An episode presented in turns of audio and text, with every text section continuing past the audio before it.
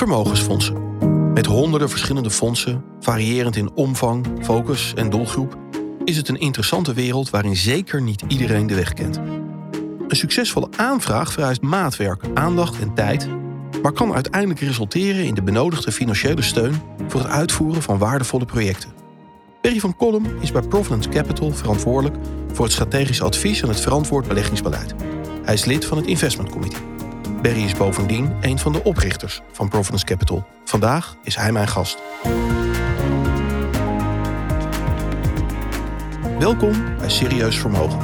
Mijn naam is Karel Zwaan. Ja, Berry, eh, welkom. Uh, we gaan het uh, vandaag hebben over, over vermogensfondsen, stichtingen, goede doelen. Um, ja, eerst maar eens even een persoonlijke vraag. Is er iets waar jij, waar jij, waar jij, waar jij persoonlijk wat mee hebt? behalve dat je natuurlijk continu professioneel mee te maken hebt. Zeker. Samen met mijn partner hebben we een eigen stichting. Die houdt zich bezig met het verbeteren van educatiekansen van kinderen in Tanzania. In de omgeving van Mwanza, dat is het Victoria Meer. Oké, oké. En, en jullie gaan daarheen. En, en, en wat, wat, voor, wat is dat dan? Want dat is zo'n ding. Uh, zamelen jullie geld in? Is het is juist iets wat jullie zelf doen? Mijn partner die verzamelt vooral in Nederland geld in bij andere stichtingen. Ja. Die als doel hebben educatie buiten Nederland. En uh, daar worden eigenlijk staatsscholen voor verbeterd. Ja, dus die zijn in een hele slechte staat. De staat Tanzania, de regering, besteedt er ook weinig geld en aandacht aan. Ja. En die stichting zorgt ervoor dat die stichtingen veel moderner worden, betere boeken hebben, sanitaire verbeteringen aanbrengen voor bijvoorbeeld meisjes en al dat soort dingen, zodat het geheel naar een hoger platform wordt getrokken. Ja, ja mooi, doel, mooi doel. Ja, zeker. Ja, er zit in het antwoord natuurlijk ook al hè, een beetje die definitiekwestie. Hè? Wat is het nou? Een, een, een stichting, zamel je geld in? Is het, is, het, is het eigen vermogen, familievermogen? Uh, kun je voor de luisteraar, ja, laten we, laten we eens beginnen met, met, met, met een definitie, een afkadering van waar hebben we het nou, uh, nou over? Wat voor, wat voor type stichtingen zijn er? Ik zou zeggen in de basis uh, drie types. Hè, dus vermogensfondsen die door een oprichter kapitaal hebben gekregen. Ja. En vooral het, dat vermogen gebruiken en het rendement daarop om goede doelen te dienen. Ja. Dan heb je stichtingen die geen eigen vermogen hebben, maar die bij derden geld ophalen. Zoals onze stichting dat ook eigenlijk doet. Ja. En je ziet natuurlijk ook hybride vormen, hè, tussenvormen tussen die twee. Ja. Dat is in de kern denk ik de definitie. Ja, en die, en die tweede groep die weten gewoon heel goed de weg uh, in, in vermogensland. Uh, om, om aan fondsen te komen, zeg maar. Ja, die hebben vaak vaste partners ook waar geld binnenkomt. Bijvoorbeeld ook via de loterijen komt heel veel geld binnen ja. bij bepaalde stichtingen. En dat zijn eigenlijk langdurige overeenkomsten of verbindingen die ze hebben. En daarnaast uh, trekken ze ook um, veel, um, denk ik, giften aan van families. Er zijn fondsen die weer fondsen op naam oprichten, waardoor een, bijvoorbeeld een familie die geld wil geven, dat geld is dan herkenbaar met hun naam, maar wordt ja. gemanaged door een andere stichting. Ja, ja precies. Ja, en nou, hè, zeker voor, de, voor, die, uh, voor, voor die groep die, ja, die, die uh, een grote, grote som geld beheert. Uh, ja, er wordt al eens van gezegd, ja, die zouden helemaal niet moeten beleggen, joh. Zet het gewoon op een deposito of iets dergelijks. Uh, veilig. hoe zie jij dat? Nou, het FD heeft daar een groot artikel over geschreven in november van, ja. van vorig jaar. Hebben ze naar 70 fondsen gekeken die 1,6 miljard vermogen onder beheer hebben. En die een heel slecht beleggingsjaar in 2022 achter de rug ja. hadden. En verliezen van 14 procent ging ongeveer om 250 miljoen verlies van, van het vermogen. En daar werd de vraag ook bij gesteld: van, uh, zou een caritatieve instelling zou die moeten beleggen? En ik, ik denk dat je dan terug moet gaan naar de definitie. En dat je moet kijken in de basis naar waar komt het geld vandaan? Is het, komt het van een stichter en is het eigen vermogen? Dan lijkt het me aannemelijk dat je dat belegt. Want je wil het kapitaal en de koopkracht daarvan in stand houden. Als je kijkt naar uh, fondswervende instellingen, dan is eigenlijk het idee: het geld komt binnen en het wordt doorgegeven. En dan is beleggen minder belangrijk. Behalve als zo'n stichting toch een stuk eigen vermogen heeft of een continuïteitsreserve voor het dekken van de kosten van de stichting. Ja. Dan zou je kunnen denken dat daar een deel wel van belegd wordt. Ja, ja. En, en, en vind je dat dan ook nog dat dat naar, uh, ja, aan bepaalde eisen aan zou moeten be, uh, doen? Zou dat dan alleen verantwoord uh, beleggen of, of strengere, strengere ESG-eisen? Ik denk dat dat onderdeel is, verantwoord beleggen. Ik denk dat het belangrijker is dat er goed gekeken wordt wat de uitgangspunten zijn, wat de verplichtingen zijn van dat vermogen. En dat je dat heel goed koppelt naar de manier waarop belegd wordt. Dus ook naar het risico wat gelopen wordt en de rendementsdoelstelling. En verantwoord beleggen is denk ik sowieso een eis. Ja, want jij ziet vanuit Providence Capital natuurlijk heel veel stichtingen in, in alle vormen die we net bespraken. Um, hoe, hoe, hoe, is de, hoe, is, hoe is jouw visie vanuit Providence Capital daarop? Um, wij hebben vooral te maken met vermogensfondsen. Ja. En dat zijn fondsen met vermogens. Het kunnen kleinere vermogens zijn, maar ook vermogens van een paar honderd miljoen. Ja. En die hebben als doelstelling dat vermogen langer termijn in stand te houden. Om zeg maar, het rendement te gebruiken om de kosten te dekken en om ook om goede doelen te dienen. En daarvan is denk ik het uitgangspunt beleggen. Ja, maar en, en hoe gaat dat gesprek dan? Bijvoorbeeld over dingen die, die, ze, die, die ze misschien niet willen of die ze wel willen. Um, kan je dat als stichting aangeven? Ja, het is individueel uh, bepaald. Ik denk dat je naar de kern, naar, naar, naar, de missie van een, van een stichting moet kijken. Om te kijken welk type beleggingsbeleid daarbij aansluit. Wat het risico is wat erbij hoort. Hoe men naar de buitenwereld ook communiceert over beleggen en de risico's.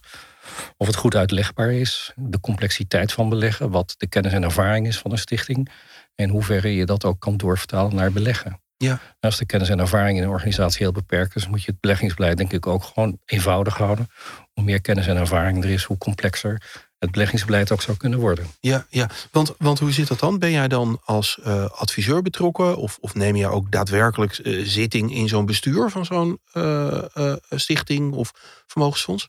In de basis zijn wij onafhankelijk adviseur. Het Ja. komt voor, en dat is eigenlijk vooral na het afronden van een adviestraject, dat je soms ook deel gaat uitmaken van een beleggingscomité of Ja. van een extern adviescomité. En, en hoe gaat dat? Zit daar dan ook nog een, een, een element van educatie in op het moment dat je met mensen eh, spreekt? Het zal niet overal nodig zijn, hè, maar ik kan me voorstellen als je inderdaad met mensen zijn die wel heel erg voor een bepaald eh, eh, doel zijn, Mhm. dat, ze, ja, dat ze ook denken van ja, ik, ik zou er ook wel meer van af willen, willen weten. Ja, educatie is denk ik een standaard onderdeel van strategisch advies. Je bent een buitenstaander die met hele verse ogen tegen problematiek aankijkt. Soms dingen ziet die intern niet meer zichtbaar zijn. En je Ja. helpt hun daar weer naar te kijken. En ook een nieuwe start te maken met uitgangspunten. Ja. Dus eh, educatie is zeker een onderdeel daarvan. Ja. Want misschien sla ik het te plat hoor, maar als jij ergens binnenkomt voor strategisch advies, waar, waar begin je dan? Eigenlijk met eh, terug naar de basis gaan. Ik wil alle documenten over de organisatie zien. Ik wil het ontstaansgeschiedenis willen kennen. Ik wil de ehm, budgetplannen wil ik zien. Ik wil strategische plannen wil ik zien. Ik wil de jaarverslagen doorkijken. Dus eigenlijk lees je je volledig in. En, en dat, is, dat is dan het startpunt. En dan vervolgens dan zeg je van nou, dit zijn mijn bevindingen. Of, of plan je dan een sessie of is het een discussie? Eh, Nou, ik denk dat het belangrijkste is dat je met elkaar formuleert waar de advisering over gaat. Dat je Ja. een adviesovereenkomst maakt. Wat de verwachtingen zijn, wat de KPI's zijn. Hè, op basis waarvan je kan zeggen dat die advisering ook gewoon eh, succesvol verloopt. En dat doe je in overleg met, eh, met de andere partij. Soms niet altijd helemaal duidelijk wat het hele adviestraject voor hun betekent. Maar je kan dan ook onderwerpen op tafel leggen waarvan je zegt dat zouden we mee moeten nemen, dat zouden we mee moeten nemen in de advisering. ja, ja, want ik, ik noemde net eventjes eh, verantwoord beleggen. Maar ook dat is natuurlijk, als je het wel beschouwt, weer een containerbegrip. Hè? Want wat versta je eh, Zeker. eh, eronder? Als ik, als ik je een voorbeeld mag geven, we- zijn ooit gevraagd voor een adviesopdracht om een nieuwe vermogensbeheerder te zoeken. Ja. Toen heb ik gezegd, maar- maar waarom? Dan zijn we eigenlijk eerst gaan kijken van wat is er dan fout met de oude vermogensbeheerder. Zou je dat niet gewoon heel scherp in kader moeten brengen? Of is het een gevoel wat je hebt? Maar zou je dat niet heel helder moeten maken? Ja. En, en leidde dat tot het blijven bij de, bij de, bij de vermogensbeheerder waar ze zaten? Nee. Of, of zijn ze toch, dus toch gevoel was goed. Ja, ja, ja. ja. ja. Nee, maar dat, dat verantwoord beleggen, hè, want, want, want neem, neem ons daar eens in, eh, in mee. Jij zit in zo'n investment committee bij, eh, ook bij, bij Providence Capital. Ja. Ik kan me voorstellen dat jullie daar ook discussies hebben over verantwoord beleggen. Maar er zijn heel veel smaken in. Kun, kun je daar de luisteraars in, in meenemen? Zeker. Verantwoord beleggen maakt echt wel een belangrijke ontwikkeling door. Ja. Van in het verleden het uitsluiten van bedrijven die dingen doen die niet goed zijn, Ja. die schadelijk zijn. Ja. Naar een beleid waarbij je eigenlijk heel expliciet gaat zetten waarin je wil beleggen. Dus het verschil tussen iets wat je uitsluit, Ja. waar je daarna eigenlijk als belegger geen invloed meer op hebt, versus bepaalde bedrijven selecteren of bepaalde type beleggingen selecteren in, vanuit een positieve invalshoek. Ja. Eh, waarbij je dan ook bijvoorbeeld dialoog met bedrijven kan gaan doen. Om te proberen die bedrijven nog verder te verbeteren. Dus ik zie een sterke ontwikkeling van uitsluiten naar positieve selectie. En in het verlengde daarvan ligt weer impact beleggen. Waar we het misschien straks nog even over gaan hebben. Ja, dat denk ik. En ehm, het is eigenlijk vrij complex. En het wordt steeds complexer. Daar speelt wet en regelgeving ook een rol. En zowel bedrijven als vermogensbeheerders, daar worden sterke eisen aangesteld voor verantwoord beleggen. En ik zou zeggen dat die ook gesteld worden aan eh, stichtingen om daar heel goed naar te kijken hoe, in welke mate ze dat vertalen naar hun verantwoord beleggingsbeleid. Ja, en, en een van de dingen is natuurlijk ook dat er gekeken wordt naar best in class. Ja. Dus als voorbeeld, misschien een beetje flauw, maar olie. We beleggen niet in olie, maar we gaan wel in het beste uh, oliebedrijf zitten. Nou, laten we, laten we hopen dat dat Shell is. Heeft dat dan een koersopdrijvend effect voor zo'n voor, voor zo'n voor zo'n fonds? Uiteindelijk is de bedoeling dat uh, met kapitaal uh, de wereld verbeterd wordt. Hè? Dus dat is de verantwoordelijkheid van beleggers om daar een bijdrage aan te leveren. En dat werkt ook in de collectiviteit. Dus hoe meer mensen zeg maar, een bepaalde beweging maken, hoe meer invloed daarop uitgaat. Ja. Het is ook zo dat er verschillende bewegingen in de wereld zijn. Dus wij in Europa en zeker in Nederland zijn heel sterk bezig met verantwoord beleggen.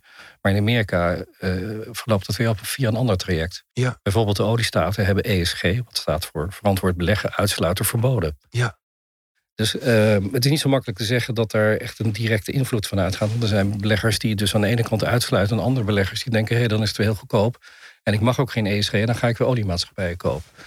Dus, ben, je wel eens tegengekomen dat, dat mensen hele atypische dingen willen uitsluiten... om, om de reden waarom die stichting? Zeker in het verleden, ja. Um, kerkelijke instellingen liepen natuurlijk voor met het uitsluiten van bepaalde groepen van type beleggingen, zoals tabak en uh, nou, daar kan je een hele, hele reeks dingen kan je aanwijzen. Die liepen daar heel sterk in voor. Ja. Ja, en dat is nu eigenlijk veel breed, in een veel breder kader... is dat het uitsluitingsbeleid van bijna alle beleggers geworden. Zou, zou je kunnen zeggen dat dat uitsluiten bijna een soort hygiëne geworden is? Ja, het was, zeker. Dat ben ik met je eens. Ja. En die, en, en, en die dialoog, hè, daar heb ik, ik... Ik denk dat het aan het veranderen is. Maar ik had vroeger altijd het idee van... nou ja, weet je, er wordt eens een keer een, een gesprekje met een CEO... van nou, foei foei en de wereld draait weer door. Nee, dat zijn serieuze gesprekken. En dat zijn ook gesprekken die zeg maar, op collectieve basis worden georganiseerd, waar beleggers op, ehm, zeg maar, samen eh, optrekken. En daar ook weer externe eh, adviseurs bij inhuren om die gesprekken met bedrijven, met CIO's van bedrijven te voeren. En ik denk dat grote bedrijven permanent onder druk liggen. De vraag is, wat doen ze ermee? Hoe langer je blijft drukken, hoe meer effect er zal zijn. Ja, ja. Eh, rapporteer je daar dan ook over naar stichtingen van hey, dit is wat, dit, want het is een soort zij-effect eigenlijk wat zij uh, uh, bereiken met, met, met het geld dat er in de stichting uh, ja, wij, wij, beleggen niet direct in bedrijven bij Providence. Wij beleggen in fondsen. Maar wij kijken dus heel sterk wat die fondsen aan dialoog doen. En die verslagen, die vertalen wij weer in onze relaties. Ja, ja. En nou ja, je zegt fondsen. Hè? En nou, nou jij weet, ik heb jarenlang bij een actief huis gewerkt. Probeer het toch maar weer eens actief of passief beleggen, Berry. Allebei. Allebei? Ja, zeker. Kijk, dat is of je zou kunnen zeggen, mijn levensmotto zou zijn passief tenzij. Dus het is passief tenzij ik een betere oplossing vind. vind. Of een betere toepasbare oplossing vind. En hoe kijk jij daar dan naar in, in je strategie? Nou, ik wou dat er koppelen aan verantwoord beleggen. Je ziet natuurlijk steeds meer dat verantwoord beleggen in de passieve vorm best wel moeilijk is. Mhm. Zeker als je hele specifieke eh, stappen gaat nemen voor een relatie. Dan denk ik dat actief weer meer in zicht komt. Dus uh, daar waar ik zeg maar basisblok in, de, in het vermogen passief kan organiseren, doe ik het passief. En daar waar je nuances aanbrengt, of waar je bepaalde asset aan, aanwijst die nodig zijn voor de spreiding van het vermogen, daar wordt actief wel meer zichtbaar. Dus voor mij is het passief tenzij. Ja, maar nou, nou kan ik me voor, nou, ik kan me wel voorstellen wat je, wat je bedoelt, maar ik kan me ook voorstellen dat er luisteraars zijn die denken, ja, maar um, verantwoord beleggen, passief, dat dat lastig is. Waarom is dat lastig in passief beleggen? Um, het is uh, lastig omdat als jij hele specifieke eisen als een relatie stelt aan jouw verantwoord beleggingsbeleid, ja. dat daar niet zo standaard zomaar een benchmark voor is. Nee. Er zijn natuurlijk verantwoorde beleggingsbenchmarks en daar komen er steeds meer. Maar als je heel specifiek beleid hebt, dan zal je meer richting de actieve kant op moeten. En zeker als je richting impact beleggen gaat, dan ga je meer naar illiquide beleggingen. Daar is passief beleggen bijna onmogelijk. Ja, ja. Dan kom je in de illiquide en de private markets uh, terecht. Ja, ja, daar wordt dat, wordt dat inderdaad uh, lastig. Impact beleggen, dat, dat, dat zei je uh, net ook al. Ik kan me voorstellen dat dat voor, voor heel veel stichtingen toch ook wel iets is. Dat ze denken, nou, dat, hè, dat, dat klinkt in ieder geval, hè, dat, dat het echt impact mm heeft. Tegelijkertijd, zelf moet ik je heel eerlijk zeggen, ik vind het altijd heel lastig om nou precies. Want het ene impactfonds is het andere impactfonds. Hè. Het, is, het is relatief jong. Hoe, hoe kijkt eh, Providence ernaar? Wij kijken ernaar als een verlenging van het verantwoord beleggingsbeleid. Dus daar staan we er ook voor dat wij ook zelf van, van, van uitsluitingen naar positieve selecties gaan. Want positieve, positieve selecties liggen veel dichter bij impact uh, beleggen. ik denk dat het terecht is als je zegt van je moet eerst een goede definitie maken van wat je onder impact verstaat. Dat zal voor iedereen verschillend zijn. Uh, er zullen stichtingen zijn die zeggen impact moet heel dicht bij onze missie liggen. we willen impact in onze missie. Dan zal je ook vrij lokaal impact gaan krijgen. Ja. Er zijn ook beleggers die zeggen: nee, nee, ik wil dat veel breder, veel meer wereldwijd wil ik dat doen. En ik wil het ook nog een keer spreiden over heel veel verschillende typen vermogensklassen. En dan mogen dat ook veel bredere impactthema's zijn. Bijvoorbeeld dus de, de grote transitiethema's waar we het met elkaar over hebben, zoals klimaatverandering, CO2, et cetera. Hernieuwbare energiebronnen. Um, dus oh, daar zou ik zeggen, zeker als je aan de impactkant kijkt, dan is het meer één op één beleid voor een relatie. Dus bijna nooit dat je voor alle relaties een vergelijkbaar beleid zou kunnen voeren. En, en nou, ik zeg relatief jong. Hoe lang bestaat Impact beleggen? Een jaar of tien dat het. Dat het, uh, dat het, dat het ja, je kan zeggen, het is, was, het is van alle tijden. Maar dat er echt dat soort fondsen, in mijn beleving, een jaar of tien.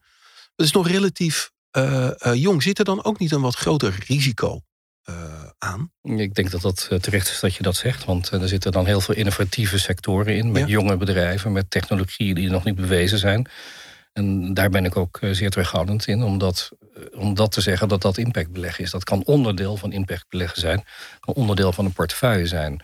Als je heel bewust zeg maar, een transitiethema aanwijst in de vorm van hernieuwbare energiebronnen. Mhm. Maar dan moet je natuurlijk ook goed weten wat het effect is op risicorendement in de portefeuille. Ja. En dat goed weten door te rekenen, zodat je daar niet te veel naar allokeert. Ja. Maar impactbeleggen kan ook um, heel hoge kwaliteit normaal beleggen zijn. Als je maar heel goed ook de data hebt om het dwars doorheen te kijken en weten wat die impact dan is. Ja. Bijvoorbeeld infrastructuur, illiquide belegging, zou heel veel impact kunnen hebben. En dat zijn in principe beleggingen met vaste cashflows, met hoge zekerheid. Eh, dus eh, ja, het kan een veel hoger risico opleveren. Dus je moet heel goed doorhebben wat dat impactbeleggen voorstelt. Ja. En die markt is relatief jong, zoals je zegt, met een oude geschiedenis. Maar um, er is eigenlijk vooral sprake van heel veel productontwikkeling. Maar heel weinig diensten die worden aangeboden rond impactbeleggen.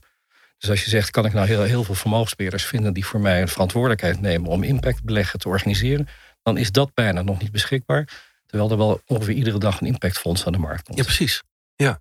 Dat is, nou typische, dat is nou typisch een beschrijving van een jonge markt die nog helemaal in ontwikkeling is. Ja, maar ik kan voorstellen dat het hè, voor jou richting jouw uh, cliënten, dat dat, dat dat lastige gesprekken zijn. Omdat die aan de ene kant kan me voorstellen in het enthousiasme meegaan van we willen dit. Terwijl jij, ja, je voelt je verantwoordelijk voor de, voor de assetallocatie, voor de strategische keuzes die gemaakt worden. En misschien denk nou, ho, ho, rustig aan, laat het even aankijken. Nou, ik zou zeggen dat uh, het verschil tussen het geven van geld aan een goed doel en impact beleggen is je hoofdsomgarantie. Ja. Want anders wordt het toch weer weggeven van geld. Ja, dus je wil dat je die impactbeleggingen met een verantwoord risicorendementsprofiel profiel doet. En dat je weet dat dat geld niet verloren gaat. Want anders gaan die twee containers over elkaar heen lopen. En dan is wat is dan het verschil tussen geld weggeven en beleggen? Ja. Dus naar mijn mening moet impactbeleggen moet professioneel en kwalitatief hoog, hoogwaardig worden georganiseerd. Met als doelstelling: ik maak een goed rendement, ik raak mijn vermogen niet kwijt, ik weet wat de risico's zijn. En ik krijg ook hele goede rapportages, zodat ik daadwerkelijk de impact kan meten en laten zien. En bij impactbeleggen zou ik niet alleen naar de positieve kanten kijken, maar ik zou ook altijd kijken wat dan weer de negatieve effecten zijn. Want eigenlijk iedere vorm van impact heeft een positieve, maar ook wel weer een negatieve kant. Oh, ik, ik ja, ik stel me er altijd hele, hele mooie, eh, positieve projecten bij voor. Ik, ik ken bijvoorbeeld een, een, een belegging en daar, daar, worden, eh, daar wordt geïnvesteerd in het betalen met je, met je telefoon in Afrika. Nou, dat, ja, dat lijkt me een schitterend initiatief. Wat, wat, wat, wat zou daar dan het, negatieve in kunnen, kunnen zijn? Ja, dat is een perfect voorbeeld. Spreekt natuurlijk enorm aan. Want uh, die telefoons ja, in Afrika nemen, zeker, ja. die, die zijn super belangrijk. Daar, daar, gebeurt, daar ja. draait je leven omheen. Maar wij zullen altijd naar zo'n bedrijf kijken hoe de werkomstandigheden zijn. Of die ook wel zo fantastisch zijn als het product wat ze aanbieden. Bij telefoons wordt ook aan financiering gedaan. Kijken wat de financieringsvormen zijn. En of dat allemaal wel draagbaar is voor de mensen die daar gebruik van maken. Dus dat is wat ik net bedoelde met ook negatieve kanten. Ja, ja. Ja, dus eigenlijk, hè, dus, dus we, mensen staren, het staren zich een beetje blind. Of eigenlijk zeg je, nee, je zegt niet dat ze zich blind zijn, maar staar je nou niet blind op het ene aspect, maar doe diligence zoals je dat altijd doet. Dat is eigenlijk jouw oproep. Ja. Hey, en, en als je nou gaat kijken, hè, um, die, die, die, in die asset allocatie, ik, ik neem aan dat, dat spreiding daar toch het toverwoord uh, uh, uh, blijft. Kun je, kun je daar iets over zeggen hoe je dat doet? Of zeg je van nee, dit is zeker geen one size fits all? Nee, ik denk dat dat een terechte vraag is. Nog even los, als we niet praten over impact op basis van de missie, want de missie is natuurlijk altijd vrij ja. nauw. Ja. En dan richt je je eigenlijk op waar je al iedere dag mee bezig gaat. Maar als je zegt nee, wil impact beleggen wereldwijd doen en een heel zeer breed, zeer breed gespreid over verschillende impact thema's.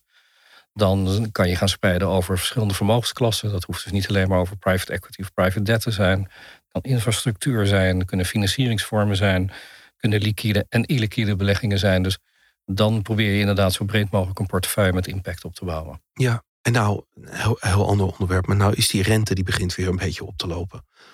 Moeten we al gaan sparen, Berry? Moeten we weer gewoon. Uh... Dat gaat terug naar je eerdere vraag van beleggen of niet beleggen. Ja, precies. Ik zeggen. Dus als jij een langetermijn doelstelling hebt en je wil een bepaald doelrendement realiseren, dan ga je niet sparen, maar dan ga je beleggen. Maar als jij een fondswervende instelling bent die het geld op korte termijn doorgeeft aan goede doelen, dan wordt sparen natuurlijk weer interessanter dan het verleden is. En van negatieve uh, rente bij banken naar een positieve opbrengst. Ja, want het is, het is misschien een beetje zo'n misschien dagkoers hoor, zoals jij het ziet. Je bent natuurlijk een stratege en, en kijkt langer. Maar wat zijn, wat zijn op dit moment nou dingen als, je, als jij nu met een stichting zou zitten? Waarvan zeg je dan van, nou, dat, dat had ik misschien een paar jaar geleden niet geadviseerd en komt wel weer in zwang. Of dat hadden we een paar jaar geleden niet gedaan. En dat, dat, daar beginnen we toch voorzichtig wel weer naar te kijken. Of juist niet. Ja, we komen uit een omgeving van historisch lage rente, zoals negatieve rente. Dat was natuurlijk ook een omgeving waarbij de verwachte rendementen op aandelen historisch laag waren. Ja. In eh, mijn eh, loopbaan had ik nog nooit meegemaakt dat verwacht rendement onder de 5% was voor aandelen. Um, dat betekent eigenlijk dat assetallocatie, ja, wat voor 80, 90% je lange termijn rendement bepaalt, mhm. heel erg moeilijk was. Want je doet aan assetallocatie om je rendementsdoel te bereiken, ook om je risico eh, te verlagen door spreiding. En het belangrijkste onderdeel daarvan, de meest veilige kant daarvan, obligaties, die voldeden daar niet meer aan. Die kon je daar niet meer voor gebruiken. Dus heel veel beleggers zijn minder normaal gaan beleggen. Dus door abnormaal lage rente minder normaal gaan beleggen. Ja. Die rente is nu deels genormaliseerd. We denken dat dat redelijk achter de rug is. Misschien zitten we er nog een beetje middenin in dat normalisatieproces. Maar dat betekent dat een aantal beleggers ook weer normaler kunnen gaan beleggen. Minder alternatieven nodig hebben. En meer kunnen gaan steunen op veilige obligatiebeleggingen. Weet je, wij, zoals jij erover praat, Barry, het is allemaal zo. Het, het, lijkt zo eenvoudig, laat ik het zo zeggen. Hè? Je hebt allemaal eh, keurig van ja, dit is dat, dat is dat. Maar zie jij nou ook dingen, dingen wat eens misgaan bij die vermogensfondsen? En ik, je gaat zeker niks bij naam noemen, dat weet ik ook wel. Maar dat je denkt van ja, maar waarom doen ze dat? Of waarom, wie, wie heeft dit bedacht? Je ziet altijd dingen die beter kunnen. Ja. En dat komt omdat je een new kid on the block bent. Je ziet dingen met, vanuit andere ogen. Je hebt alle informatie weer eens doorgenomen. Dus er zijn altijd dingen die, waar je tegenaan loopt waarvan je zegt, die kunnen gewoon een stuk beter. Maar, maar zijn er ook dingen waarvan je zegt, van, nou, die, worden, die worden vaak fout gedaan? Of, of fout, minder goed gedaan? Nou, ik denk dat de, de, om, de, de werkomgeving voor stichtingen aan het professionaliseren is. Dat betekent dat er dingen al, al beter worden aangestuurd. En dat professionaliseringsproces, daar zitten we volgens mij middenin. En dat is ook een onderwerp van beleg je zelf of ga je uitbesteden. Ehm, in het verleden eh, zou je zo een mooi tekeningetje kunnen maken van een bestuur die zelf met de beleggingen dagelijks bezig was. En dat proces bestaat nog steeds, maar dat proces is natuurlijk helemaal eigenlijk in de richting gegaan van uitbesteden aan een professionele partij. Als je uitbesteedt, ben je niet van al je verantwoordelijkheid af. Moet je nog steeds heel erg goed monitoren, moet je controle uitoefenen, moet je challengen. Um, dat is een voorbeeld van een, van een verbetering. En besteed je dan uit aan één partij of meerdere? Dat is een keuze. Dat is ook eigenlijk een, eh, een, een, een vorm waar je jezelf het meest lang bij voelt. Je, je, moet, je moet voor jezelf realiseren als je aan meerdere partijen uitbesteedt, hoeveel tijd dat gaat kosten om dat te monitoren. Ja.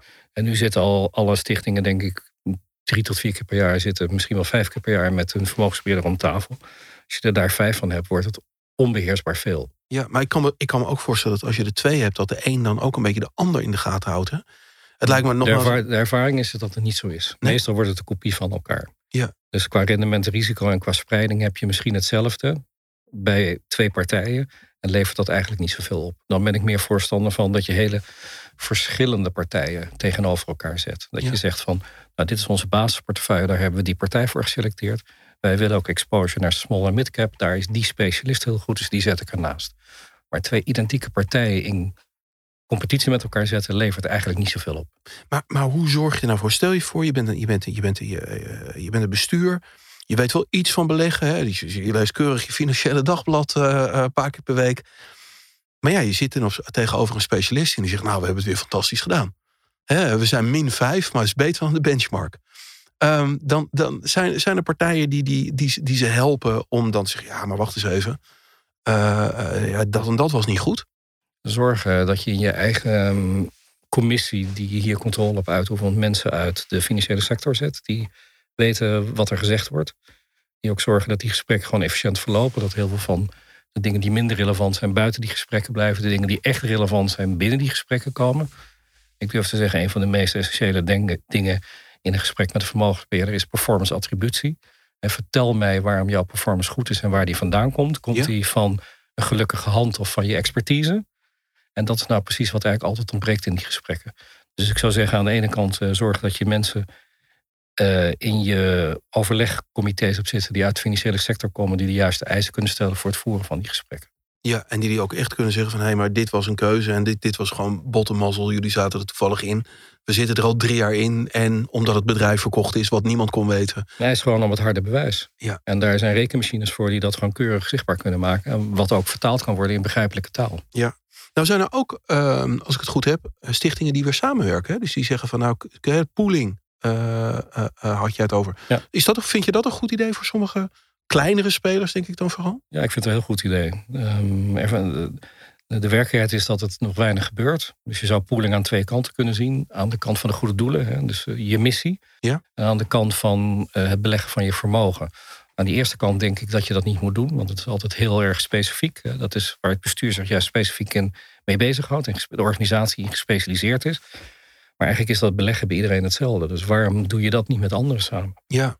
In Duitsland zijn daar goede voorbeelden van, waar eigenlijk een heel groot, groot omvang vermogens worden samengebracht. Hè, waar je streeft naar collectiviteit van vermogen, professionalisering. Zorg dat je in best in class, dat je daar sneller toegang toe hebt. En de besturen van individuele stichtingen kunnen gewoon deelnemen in de beleggingscommissie of in het bestuur van een collectief. Dus ik ben, er, ik ben er groot voorstander van. Ja, ja, want je kunt je echt voorstellen dat misschien wel tien stichtingen samen het vermogen doen. Je, je legt er één beleid op. En het... Nou, die kunnen ook allemaal ander beleid hebben. Dus ze kunnen ook allemaal andere risicoprofielen hebben. Want je moet gewoon, zeg maar, collectief moet je toegang hebben tot bouwstenen. Ja. En de stichting A die heeft bouwsteen 1 wat meer nodig dan bouwsteen 2. En de andere stichting. Maar het gaat om de collectiviteit van die bouwstenen. Ja, dus als je daar asset poolt en dat goed organiseert, kan je heel veel voordelen behalen. Ja, ja, ja. En, en dan ben je ook minder tijd kwijt met beleggen. Dus, uh, maar dat gebeurt nog weinig, zeg je? Ja, gek genoeg gebeurt het heel weinig. Ja. Ik denk dat daar, uh, dat daar wel een toekomst ligt. Ja, Berry, um, laatste vraag. we zijn alweer zo'n beetje door de tijd heen. Um, de, de vermogensfondsen, waarvan er eh, vast een paar uh, luisteren. Als je die nou één tip uh, zou mogen geven voor het, voor, het, voor het komend jaar. Van nou, dat, dat moet je echt doen. Of, of misschien niet doen. Wat zou dat zijn? Ik zou zeggen, test je assetallocatie. De rente is genormaliseerd. Je kan meer normaal gaan beleggen. Tegelijkertijd zijn de verwachte rendementen nog relatief laag. En zijn er ook nieuwe asset classes die echt iets aan rendement kunnen toevoegen. Dus voor mij zou de tip zijn, gewoon test je assetallocatie. Ga met je adviseurs om tafel zitten dat kan zijn je vermogensbeheerder, dat kan ook een ALM-specialist zijn. Om te kijken of je strategische assetallocatie nog voldoet voor de toekomst. Mooi, dankjewel. Graag gedaan. En u bedankt voor het luisteren. En mocht u dat nog niet gedaan hebben, uh, abonneer u dan op Serieus Vermogen. Dan mist u nooit meer een aflevering van onze podcast.